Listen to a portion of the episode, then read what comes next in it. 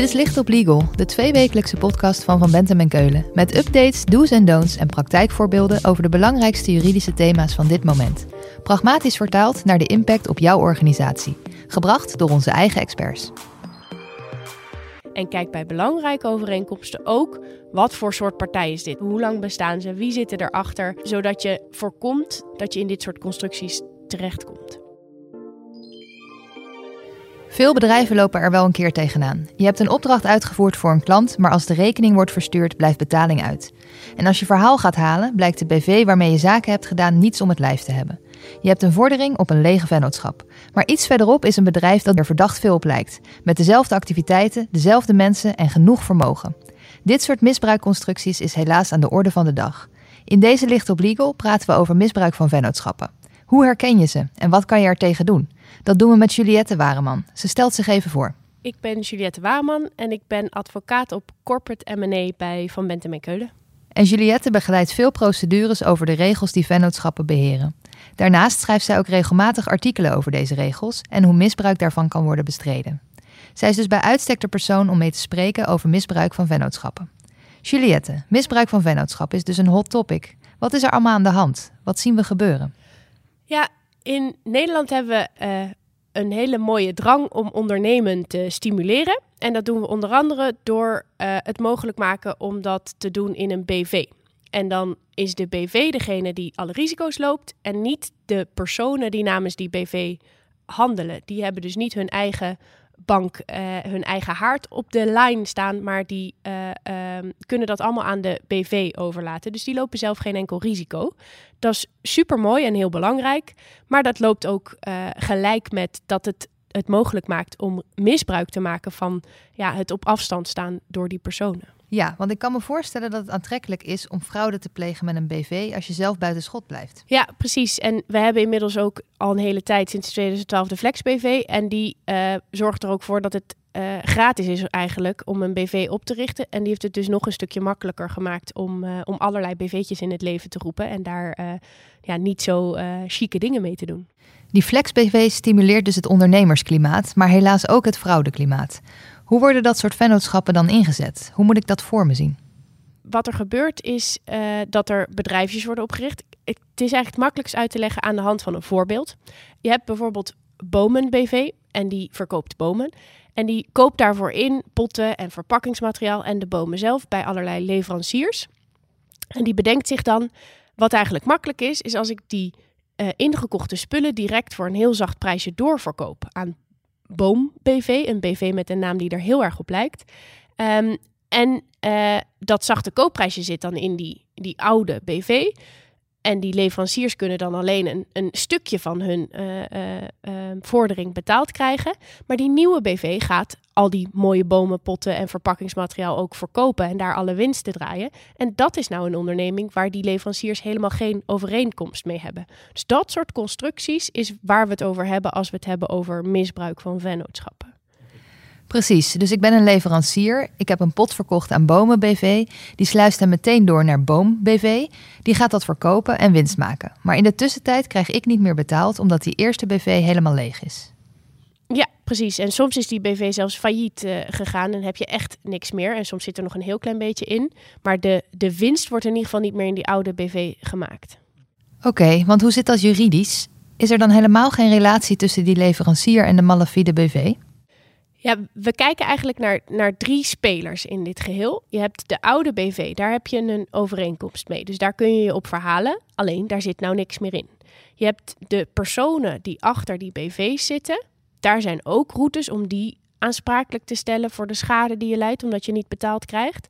Alleen dat zijn ook heel vaak mensen waar helemaal geen verhaal op mogelijk is of een heel lastig traject. Wat je eigenlijk wil is de derde speler, die nieuwe BV.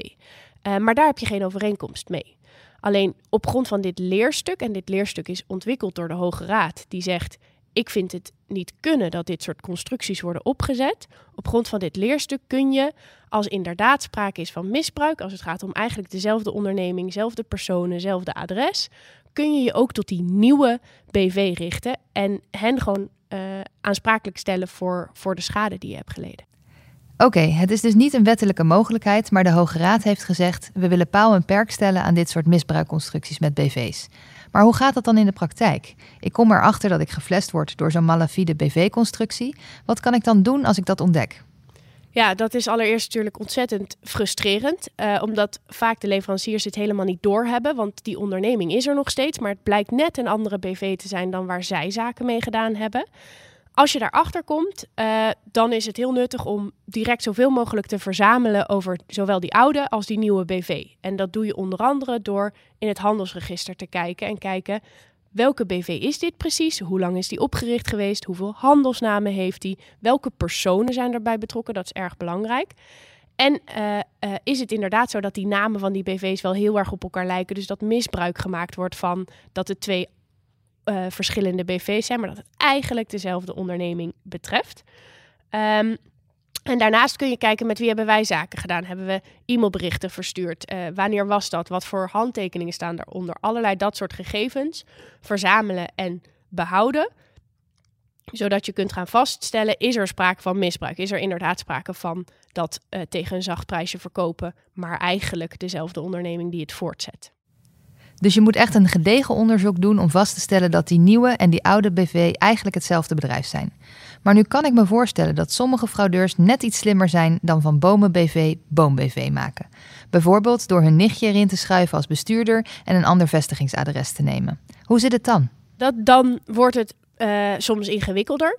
Kijk, het is wel vereist dat je voldoet aan die, aan die door de Hoge Raad gestelde voorwaarden. Namelijk, het is dezelfde, het is feitelijk dezelfde onderneming. Dus als ze het zo hebben ingericht dat het echt een andere onderneming is, andere personen, echt een andere activiteit misschien wel. Ja, dan kun je niet op grond van dit leerstuk uh, ageren. En dan moet je dus voor bestuurdersaansprakelijkheid gaan. Maar als je wat meer onderzoek moet doen en toch tot de conclusie kan komen, ja, maar dat is echt een stroomman, hè, dat nichtje, uh, dat feitelijk gaat het nog steeds om dezelfde onderneming, dan kom je er nog steeds. Het is dus misschien wat meer werk, maar als je het goed beargumenteert, kan je nog steeds wel hard maken dat je met je vordering naar die nieuwe BV kan. Ja, en als het echt moeilijk wordt, ga je, ga je echt ook op Google zoeken en ga je kijken wat voor uh, uh, reclame maken deze mensen. En, en zit op hun website niet eigenlijk dezelfde activiteit. Hè? Dus dan moet je wat ja, intensiever onderzoek doen, denk ik. Hey, we hebben het nu natuurlijk gehad over wat je kunt doen als het al fout is gegaan. Maar bij voorkeur voorkom je dat je in die situatie komt. Wat kan je aan de voorkant doen om je te beschermen tegen dit soort frauduleuze BV's? Um, ehm, het is niet realistisch, denk ik, om voor alles wat je doet de hele tijd het handelsregister helemaal uit te pluizen.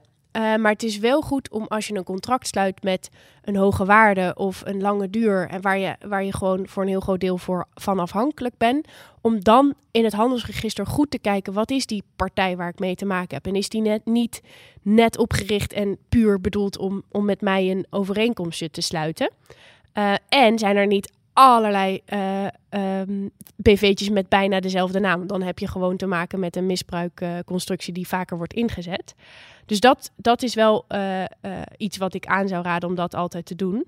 En um, wat je kan doen, is zorgen dat die, de bestuurder achter zo'n vennootschap voldoende vermogen heeft. Want dan voorkom je dat je überhaupt ja, toe hoeft te komen aan dit leerstuk.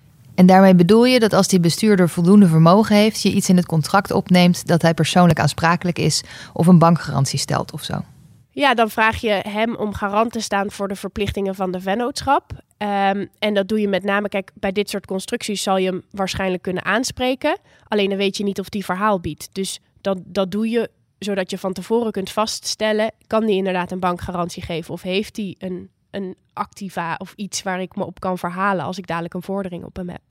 Dus als het om de lange termijn gaat of om contracten met grote waarden, dan moet je echt altijd gedegen onderzoek doen. En wat moet ik dan als bedrijfsjurist doen direct na het luisteren van deze podcast?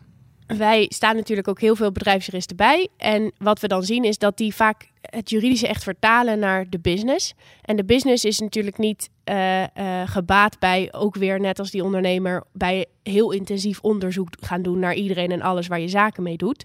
Maar wat vaak gebeurt binnen bedrijven is dat die bedrijfsjurist uh, instructies geeft aan de business. Kijk nou even goed of er vertegenwoordigingsbevoegdheid is met de partijen met wie we zaken doen. Want anders ben je zo'n contract kwijt. En bij die instructie zou je ook kunnen zeggen: en kijk bij belangrijke overeenkomsten ook wat voor soort partij is dit. En dan is precies hetzelfde als wat ik net zei: hoe lang bestaan ze, wie zitten erachter, uh, zodat je voorkomt, voor een deel, dat je in dit soort constructies terechtkomt. Duidelijk. Dus echt een bepaalde structuur inbouwen om die checks op de BV's in de organisatie te krijgen. Maar nu zit ik in een bedrijf en ik ben verkoper. Ik wil gewoon door met die handel. Waar moet ik dan op letten? Ja, wat ik je denk ik met name mee wil geven is uh, het besef dat het niet moeilijk is om dit soort constructies op te zetten. Zeker sinds de Flex BV. Dus dat je alert bent op dat dit mogelijk is. En dan zul je vanzelf waarschijnlijk de maatregelen treffen die nodig zijn. En alert zijn op de signalen die er komen als dit, als dit zich voordoet. Juliette, dankjewel. Als we meer willen weten, waar kunnen we dan terecht? Uh, ja, je kunt mij altijd mailen. Dat is juliettewaarman.vbk.nl. Je kunt mij ook bellen. Uh, dat nummer is op de website te vinden. Um, en je kunt ook onze legal update in de gaten houden, want daar publiceren we regelmatig over dit onderwerp. Dit was Licht op Legal, een podcast van Van Bentem en Keulen. Te beluisteren via Spotify, Apple Podcasts of je eigen favoriete podcast-app. Wil je meer weten? Heb je suggesties voor een onderwerp? Of wil je dat onze experts hun licht laten schijnen op jouw juridisch vraagstuk? Laat het ons weten via vbk.nl/slash lichtoplegal.